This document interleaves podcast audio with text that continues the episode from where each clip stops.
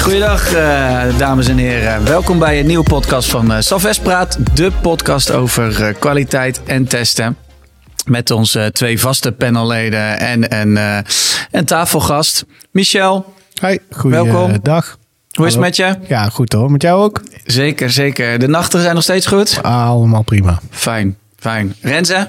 Ja, prima. Welkom. Morgen. Oh nee, dat weten we niet hè, wanneer iemand luistert. Nee, Goeiedag. Het is wel morgen, maar, ja, uh, maar wij, vandaag. Maar ja. het kan ook middag, avond. ja, zo is het. Welkom. En, uh, en Ivo, uh, een onbekende voor de podcast, een bekende voor ons. Ivo, zou je misschien jezelf eens voor willen stellen eerst? Ja, zeker. Ik ben Ivo van den Berg. Ik werk sinds vorig jaar bij Salves. Um, ik ben performance tester voornamelijk. Doe ik uh, wel testautomatisering, maar voornamelijk uh, performance test is mijn, mijn expertise. Ja. ja, hoe lang zit je al in het vak? In het testvak, ik denk een jaar of tien, min of meer. En performance testen, ja, acht jaar denk ik ongeveer. Ja. Acht jaar. Kijk, en wat maakt performance testen zo leuk? Um, ja, ik vind sowieso als tester ben je betrokken bij heel veel aspecten van softwareontwikkeling. Uh, en bij performance testen misschien nog net even wat meer. Hè. Je, je moet met uh, je zit niet op een eiland. Je moet met, uh, met, met de gebruikers praten, met, uh, met de business. maar je moet ook met, met, met, beheer praten, met developers, met functionele testers. Ja, met iedereen in het team. Je kunt het niet zonder anderen doen. En dat maakt het werk heel divers. Ja. En dat vind ik het leuke ervan. Oké, nou dat vind ik straks nog wel even leuk om over door te gaan. Want het, het, het beeld is vaak bij mensen dat performance testen vooral heel veel techniek is. Uh, dat kan het zijn, maar het is ook heel veel nadenken over hoe een systeem gebruikt wordt. En dat is heel erg denken vanuit de business. Ja, en dat haal je dus dan ook op bij de business. Ja, absoluut. Ja. ja. Oké, leuk. Zeker, ik ben benieuwd. Ja. Zullen we beginnen met een stelling? En daarna zien we wel uh, hoe het gesprek uh, vordert, toch? Prima. Geen uh, voor, uh, voorbedacht script. Komt hier onze collega Erwin van, van West, die heeft wat ingesproken. Hey, Erwin hier. Ik heb een stelling en ik ben benieuwd wat jullie daarvan denken. De stelling is: performance testen zijn slechts een nice to have, geen must have in de moderne softwareontwikkeling. Ivo, trap jij hem maar af. Ja, als performance tester zou je natuurlijk denken dat ik uh, natuurlijk echt een must-have vind. Maar uh, niet altijd. Uh, meestal wel. Ehm, maar soms ja, is er een applicatie die weinig gebruikt wordt. Of waarbij de impact misschien wat kleiner is. En dan zou je ervoor kunnen kiezen, hè, gezien de kosten of de tijd die ervoor is, om het niet te doen. Maar, wat, wat zie jij in de praktijk? Uh, ik zie dat het vaak wordt gezegd van nou, het is inderdaad een nice to have, dus doe maar niet. Of we hebben geen tijd, of we hebben, we hebben er het geld niet voor, of we hebben de expertise er niet voor, dus doe maar niet. Uh, en dan zie je dat er uiteindelijk toch problemen optreden. En dan ja, moet het achteraf opgelost worden. En dat is dan vaak kostbaarder of ja, tijdrovender dan als je het van tevoren had gedaan. Dus meestal zou ik het uh, wel doen. Ja, precies. Al is maar een basisniveau van performance testen. Um, dus ik zie het niet, meestal niet als een nice to have, maar echt wel als een must have. Ja. Wat, uh, wat versta je onder basisniveau uh, performance testen? Nou, kijk, je kunt natuurlijk een expert inhuren en uh, je applicatie, heel je keten helemaal doortesten, unit testen, integratie testen, allemaal op performance test niveau. Um, maar als je al een stopwatch test doet, hè, dat is echt het meest basisniveau van, van performance testen. Gewoon, ja, dan, dan heb je al wat inzichten en dat levert al gauw wat op. Um, natuurlijk is het, het, laagste niveau van, van kwaliteit qua performance testen. Maar je hebt al wel wat inzicht en dat is beter dan niks. Dus dat zie ik wel echt als, uh, als basisniveau. Zorg dat er een tester, een functioneel tester, uh, al iets doet. Precies. Nou, wat, ik bedoel, als ik er als gebruiker naar kijk, hè, applicaties die ik gebruik, ik vind het super irritant als het niet performt. Maar als het te lang duurt. Of... Maar dan heb je al meteen de, de wedervraag van wat vind je niet performen? Nou ja, als het te lang duurt, ja, hoe lang duurt het dan? Hè? Dan, krijg je altijd de testvragen natuurlijk. Maar mhm. goed, ik vind het te lang. Ja, ik, ik, heb het nooit gemeten, maar volgens mij, ik heb wel eens een, uh, een, een, kennisdag meegemaakt. Heb, of, uh, heb ik ook wel eens een uh, presentatie van Ivo gezien. Hè? Er zijn al waarden voor, hè, wanneer mensen het al te lang vinden duren. Dat is al bij een paar seconden volgens mij. Ja, ik kan het niet per zo gelijk definiëren. Dus uit inderdaad misschien mijn stopwatch moeten we meten van oké, wat is irritant?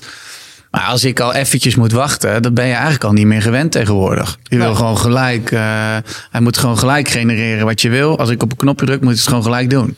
Ja, absoluut. Uh, ja, die, die twee seconden die je dan vaak hoort, is veel, veel genoemd. Uh, omdat dan de gebruikers weglopen. En na zoveel seconden dan, uh, ja, ja, dan gaat 50% weglopen of zo. Dat, dat zijn getallen die je hoort. Maar het ligt heel erg specifiek aan de applicatie wat ja, acceptabel is. En dat is het gesprek met de business wat zo belangrijk is. Ja, ja, ja precies.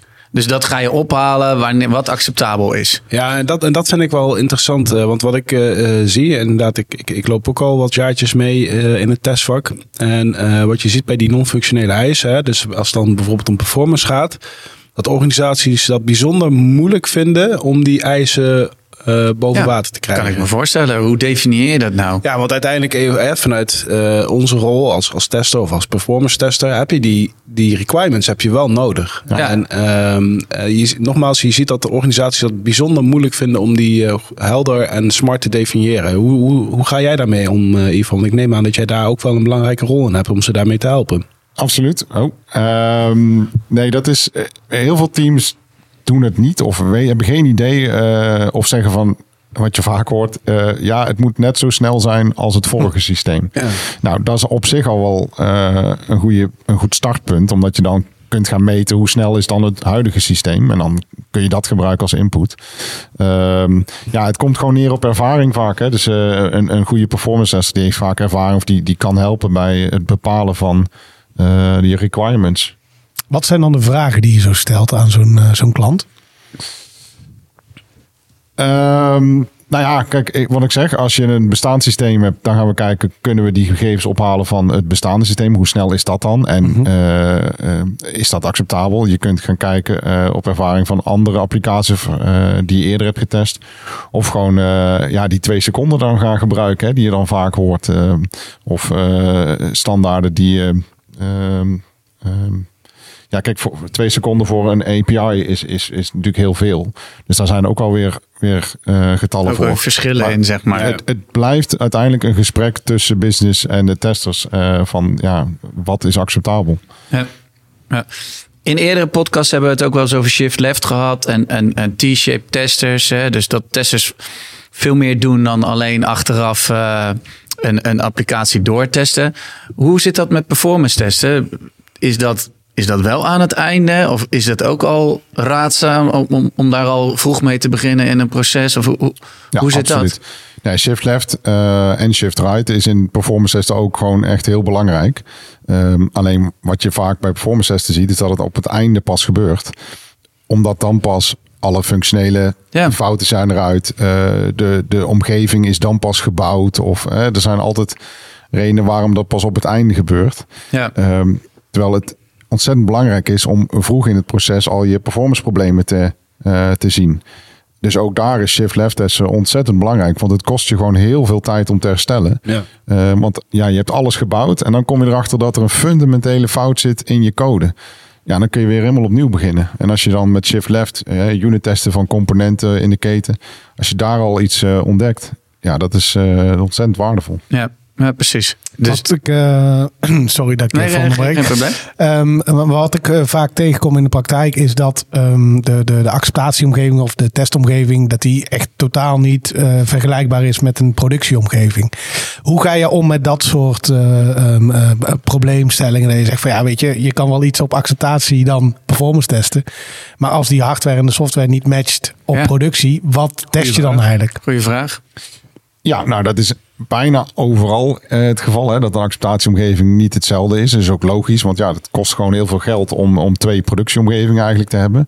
Tegenwoordig met cloudomgeving is het wel wat makkelijker, omdat je kunt zeggen van nou, we doen tijdelijk even uh, resources uh, toevoegen aan de acceptatieomgeving voor die performance testen bijvoorbeeld.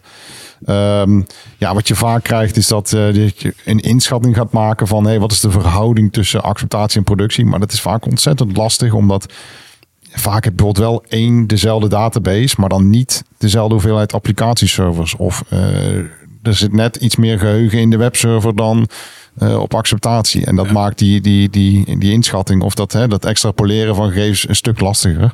Maar elke test die je doet, levert inzichten op, vind ik. Dus ook al is de omgeving niet gelijk, het levert altijd interessante gegevens op. Je kunt vaak altijd wel zien waar in de keten je bottleneck waarschijnlijk zit. En waarschijnlijk dus ook op productie. Dan weet je waar je op kunt gaan richten. Ja. En wat ik, wat ik wel ehm, wil weten, Ivo, want we hebben, praten nu dan over performance testen. Ehm, maar je hebt natuurlijk ook zoiets als heet load testen. Dat is verwantschap met elkaar. Ehm, of, of zie ik dat verkeerd? Want performance is één, maar hoe ga je om met load? En eh, hoe, hoe ja. test jij dat dan bijvoorbeeld? Hoe bereid je dat voor? Um, ja, performance test is vaak uh, de, uh, de, uh, de, de, de superklasse, om het maar zo maar te zeggen. Dat is de overkoepelende term. Mm. En daaronder valt load testen. En load testen is gewoon kijken hoe, of je kunt simuleren wat er op productie gebeurt. Dus je probeert echt um, je script zo te maken dat die um, echt productiegedrag nabootst. Unieke gebruikers, users. Ja, en dan en echt die load ook echt proberen te simuleren dat die echt overeenkomt. En dat is wat je met een load test probeert. Maar we, we, we, hebben het dan over, uh, je, je, stuurt zeg maar 50.000 uh, gebruikers op een website af. Ja, dat ligt Dat simuleer je of zo, of bijvoorbeeld. Ja, ja. Dat is load. Ja, dat is dus load. Gewoon kijken, analyseren wat gebeurt er op productie. Uh, en dat in je script proberen na te bouwen. Dus niet alleen dat het script uh, dezelfde stappen doorloopt, maar ook dezelfde hoeveelheid stappen uh, per uur of per tijdseenheid. En dat is ja, de, meeste testen die ik doe is een, zijn load testen. Maar je kunt natuurlijk ook met een ander doel gaan stress testen. Mhm. En dan ga je gewoon kijken van oké, okay, dat Wanneer valt om? ja. wanneer gaat het stuk? Ja. Uh, Wat is het verschil dan tussen load en stress testen? Um, ja, het is een heel subtiel verschil. En qua instelling is het vaak een seconde werk. Hè? Want je maakt van, uh, van 10 users maak je 100 users. En dan, uh, ja, dan druk je op de knop. Uh, maar het doel is wel degelijk anders. En je wil ook, uh, je gaat je veel meer focussen bij een stresstest op monitoring. Hè. Dan moet je wel echt inzicht hebben in je, in je infra. Uh, wanneer valt iets om en waar zit het dan? Is het CPU? Is het memory? Is ja. het uh, welk, welk onderdeel van de case? Je zit dan meer op robuustheid, zeg maar, ja. te, te testen als kwaliteitsattribuut. Ja, als ik het in de praktijk uh, zie, dan zijn er twee voorbeelden die bij mij dan altijd naar boven komt. Dat is één, op het moment toen ik kaartjes voor Zandvoort wilde halen. Nou, dan wordt heel de, heel de website wordt, plat gegooid. En bij de Belastingdienst, op het moment dat je de belastingaangifte kan doen, dan ligt die site er ook uit. Wordt daar dan slecht gestresstest? Nou, daar ga ik geen uitspraak over doen. um, nou, kijk, bij Zandvoort, uh, daar doen ze het. Uh, ik heb zelf ook in, die, in diezelfde wachtrij gestaan. En dat is natuurlijk ja, uh, op zich een betere oplossing dan dat de site helemaal niet bereikbaar is. Want je komt gewoon in een, in een wachtrij te staan. Dus dat is op zich prima. Um, maar ja, dat is wel inderdaad, en dat is eigenlijk weer net een andere test. Dat is een spike test. Hè? Dus uh, als er in één keer heel veel load op het systeem afkomt, ja. dan, uh, ja, dan moet je die ontzettende groei in één keer moet je aankunnen. En een, een stresstest is vaak heel gelijkmatig opbouwen zodat je rustig kunt analyseren en kijken wanneer gaat hij nou precies om. Maar bij zo'n spike test, hè, wat je nu zegt van nou, mensen komen allemaal om vijf voor tien of vijf voor negen in één keer allemaal op de site. Um, ook dat is weer een kleine instelling in, de, in, de, in mijn test. Het script is hetzelfde. Um, maar het doel is wel heel anders. En, en, hoe je daarnaar kijkt en hoe je gaat analyseren. Maar is dat te voorkomen ook? Ja, dat precies. je dus niet in die, in die, in die wachtrij terechtkomt. Maar dat, dus, dat je dus eigenlijk iedereen die kaartjes wil kopen kan bedienen? Ja, kijk, alles is te voorkomen als je er maar genoeg geld en, uh, ja. en ijzer tegenaan gooit. Zullen we maar zeggen. Maar dat is natuurlijk niet altijd mogelijk. Uh, en en um, ik, ik vind dat soort wachtrijen vaak, ik bedoel, je ziet het overal waar je kaartjes koopt, is dat gewoon een standaard oplossing. Uh, of het nou voor voetbalkaartjes of, of concertkaartjes of Formule 1 kaartjes is. Dat, dat, ja, ik vind dat vaak een prima oplossing. Ja, men heeft ervan geleerd, zeg maar. Waar je inderdaad ja. in het verleden wel eens hoorde. Of inderdaad een groot concert. Of of het nou Formule 1 is of whatever. Uh, kreeg je natuurlijk altijd weer de berichten. De website lag er meerdere lag uren uit. ja. of, uh, en dat, dat hoor je eigenlijk bijna niet meer, omdat ze het voorzien. Ja. En een constructie zoals een wachtrij uh, in place zetten. En dat zie je ook wel bij, gewoon, bij, bij onze klanten. daar heb je ook wel, afhankelijk van het type klant, maar die hebben meestal ook wel van die piekmomenten ergens in het jaar. Bijvoorbeeld als ze heel veel uh, een groot proces moeten draaien. Omdat ze heel veel output moeten versturen. Bijvoorbeeld aan het einde van het jaar. Dat, uh, de, ja, precies. Uh, de, dan zie je ook wel dat ze daarop op inspelen. En dan gaan ze bijvoorbeeld op voorhand al zeggen van nee, we doen dat gegroepeerd. Ja. we doen niet alles in één keer. Maar we doen eerst een groep van 10.000. En dan nog een keer 10.000. Nou, et cetera. Dus men denkt er ook steeds beter over na. Denk ook mede door inzicht te krijgen in de performance en load. Uh, dat je ook weet van oké, okay, we kunnen zo'n grote brok aan verkeer genereren. Dus meer dan dat moeten we niet doen. Dus kun je daarop op inhaken van tevoren. In plaats van nou, we gaan wel zien waar het schip strandt. En met alle gevolgen van dien. Ja, vaak zijn dat ook hele goede oplossingen. Het is, het is, je gaat geen geld investeren in, in extra servers of zo. Um, een, een, ander voorbeeld is bijvoorbeeld uh, bij een van mijn vorige opdrachten. Dan stuurden ze vaak een mail uit. En dan gingen alle mensen tegelijkertijd op die link klikken naar de site toe. Nou, dan ging de site om. Ja, wat is dan een hele makkelijke oplossing? Gewoon die mail in badges oh, versturen. Ja. En dan, ja. Eh, en dan gaan mensen geleidelijk naar je site toe. En dat is een hele simpele oplossing. Ja. Uh, die heel veel problemen voorkomt. Dus het hoeft niet altijd met geld of met ijzer. Nee, en het hoeft ook niet altijd aan, aan, uh, aan jezelf te liggen als organisatie zijn. Hè? Want soms, zeker dingen gaan natuurlijk in de regel steeds meer online uh, en heb je ook met andere factoren te maken. Je hebt natuurlijk ook gewoon te maken met mensen die gebonden zijn aan een bepaalde provider of aan een bepaald knooppunt of whatever. Dat is tegenwoordig en zeker in Nederland allemaal wel goed geregeld. Ja, er zijn natuurlijk ook nog zat uh, gevallen waarbij het misschien juist komt doordat er te veel aanvragen vanuit een specifiek uh, knooppunt komen of vanuit de provider. Hij kan daar de bottleneck zetten. Daar kun je als organisatie dan zelf niet zoveel aan doen. Nou ja, zit je midden in de stad of zit je in de jungle? Ja. ja. Nog, nog één vraagje. Um, stel, ik ben een klant en ik wil um, het preventief inzetten van performance testen tegen hackers of tegen he, uh, zorgen dat, uh, dat mensen in één keer DDoS aanvallen. Ja. Um, is dat verstandig? Zou je het daarvoor inzetten? Ja, dat kan zeker. Um, Kijk, performance testen um, kun je ook inzetten bijvoorbeeld om te kijken hoe jouw uh, load balancing werkt. Uh, om daar inzicht in te krijgen. Of um, hè, wat je... Um, ik weet niet meer precies de term, maar bij Netflix uh, gebruiken ze dat wel eens. Dan uh, zeggen ze gewoon, nou, we trekken gewoon, uh, volgens mij dit chaos testing. Dan trekken ze gewoon ergens een stekker eruit, als het ware. Ja, ja. Dan gaan ze gewoon kijken van hoe reageert mijn infrastructuur op Veel dat soort over. dingen. Ja. Veel over testen, ja. Van, hey, ik ga even die database uitzetten. Gaat alles naar de andere database. Nou, daar kun je ook performance testen prima voor inzetten. En, en ook als je zegt van, nou, ik wil kijken hoe ik om kan gaan met DDoS. Nou, laat maar een loadtest los en dan... En is het dan zo dat je dat jaarlijks moet doen? Dat je dat maandelijks moet doen? Dat je dat wekelijks moet doen? Wat zou jouw advies zijn? Ja, dat ligt helemaal aan de, aan de, aan de situatie. Waar je het over hebt. Ja. Je zei net, eh, het, het, maakt ook wel veel uit. Huur je een specialist in of uh, doe je het een beetje? Zeg maar om maar even te chargeren. Ja. Vind je dat iedereen het moet kunnen? Dat elke tester uh, het in zijn rugzakje moet hebben? Ja, dat is altijd uh, een goede vraag. Uh, ik denk dat elke tester wel een, een basiskennis van performance testen, een basiskennis van security testen zou moeten hebben.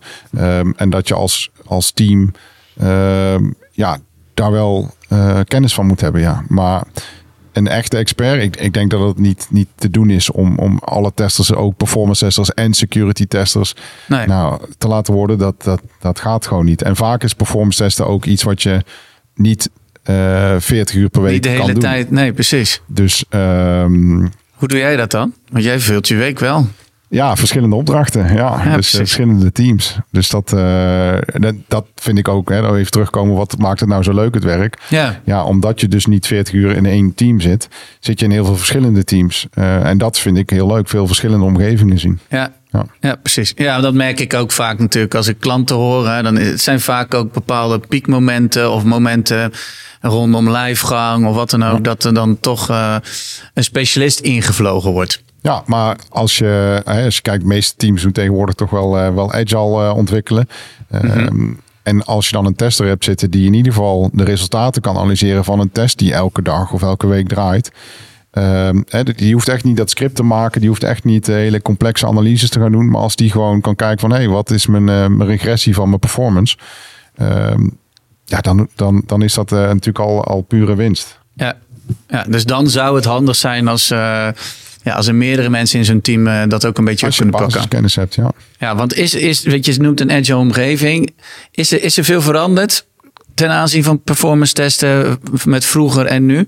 Hè, waterval uh, ten opzichte van agile? Ja, vroeger was het natuurlijk echt, echt pas op het einde dat performance testen gedaan werd. Uh, en met, met de komst van agile en ook met DevOps zie je dat het toch vaker uh, die shift-left beweging er is. En dat je uh, iteratief gaat performance testen. Dus gewoon elke dag gewoon even de, dat script laten draaien met een paar usertjes. Hoeft echt geen load- of stresstest te zijn.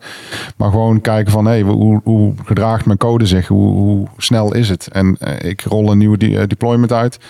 Is het slechter of beter geworden. Ja, want er zijn, er zijn natuurlijk gewoon bedrijven die dagelijks uh, changes uh, doen, hè, zonder dat wij het misschien wel zelfs merken. Ja, ja, absoluut. Dus als jij dan elke dag ook je performance test draait, uh, of je performance monitoring op productie doet, hè, dan heb je het over shift right, dat je inzicht in performance hebt op productie. Ja, dan kun je gewoon continu monitoren hoe je code zich gedraagt. Gaat het beter of slechter? En dan kun je al voortijdig, hè, voordat het echt een groot probleem is, kun je al ingrijpen. Ja. Ja, want testen in productie is vaak een beetje, uh, tenminste als ik dan zo om me heen kijk, uh, not done of zo. Maar bij performance testen kan dat wel. Nou, dat is natuurlijk eh, performance monitoring noem ik het altijd maar. Dus je wil... Uh, oh, niet even een stresstestje even draaien. Nou ja, het gebeurt. Hè, omdat de productieomgeving is de enige omgeving die productie-like is. Hè. Dus uh, omdat je vaak tegen de problemen loopt dat acceptatie niet, niet overeenkomt. Ze zeggen sommige teams van ja, doe maar op productie midden in de nacht of zo. Dan hebben we geen gebruikers. Ik ben er geen fan van, omdat je soms dingen over het hoofd ziet. Of dan gaat het toch stuk en dan krijg je het niet op tijd gemaakt. En dan heb je toch impact.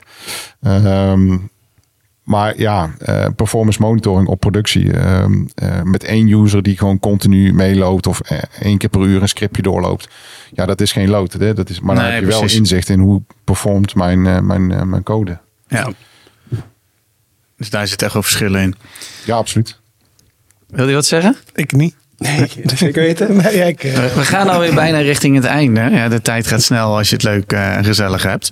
Ik, waar ik nog wel benieuwd naar ben, je hebt natuurlijk allerlei tooling, denk ik, hè, voor performance testen. Ja. Uh, net als met test automation tools en dergelijke. Ze komen, ze gaan. maar is, is dat bij performance testen ook? En wat ik ook zie, het tweede deel van de vraag is: je hebt vaak commerciële tools en je hebt open source tools. En daar zijn tenminste vaak de meningen over verdeeld. Ja. Wat is jouw mening? Uh, ja, ik ben vrij tool-agnostisch, om het zo maar te zeggen. Uh, je ziet dat niet elk bedrijf uh, uh, dezelfde tooling gebruikt of, of een voorkeur heeft. Dus je komt bij één opdracht en dan zeggen ze ja, we hebben al licenties voor tool X. En een ander bedrijf zegt nee, we hebben nog niks. Dus, maar het mag niks kosten, dus doe maar uh, ja. open source. Um, ja, dan moet je het daar maar mee doen. En uiteindelijk is het het belangrijkste dat je de test uitvoert. En al die tools, de basis is hetzelfde. Je kunt er eigenlijk allemaal hetzelfde wel mee. Ja. Uh, de ene heeft net wat makkelijker reporting of kan wat beter uh, de load verdelen over verschillende servers. Nou, er zitten allemaal verschillen in. Uh, maar het zijn meer dialecten dan echt uh, grote. Ja, en elke tool heeft ook zijn doel. Uh, dus sommige tools zijn heel goed in het unit testen. Of die zijn heel specifiek gericht op dat developers ermee kunnen omgaan. Hè. Die, uh, dan moet je scripten in, uh, in, in, in Java of in een andere taal.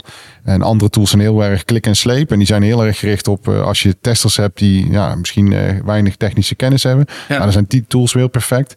Dus ehm, ja, kijk heel erg naar je omgeving en de, de mensen die in je team zitten. En pas daar de tool op, op aan.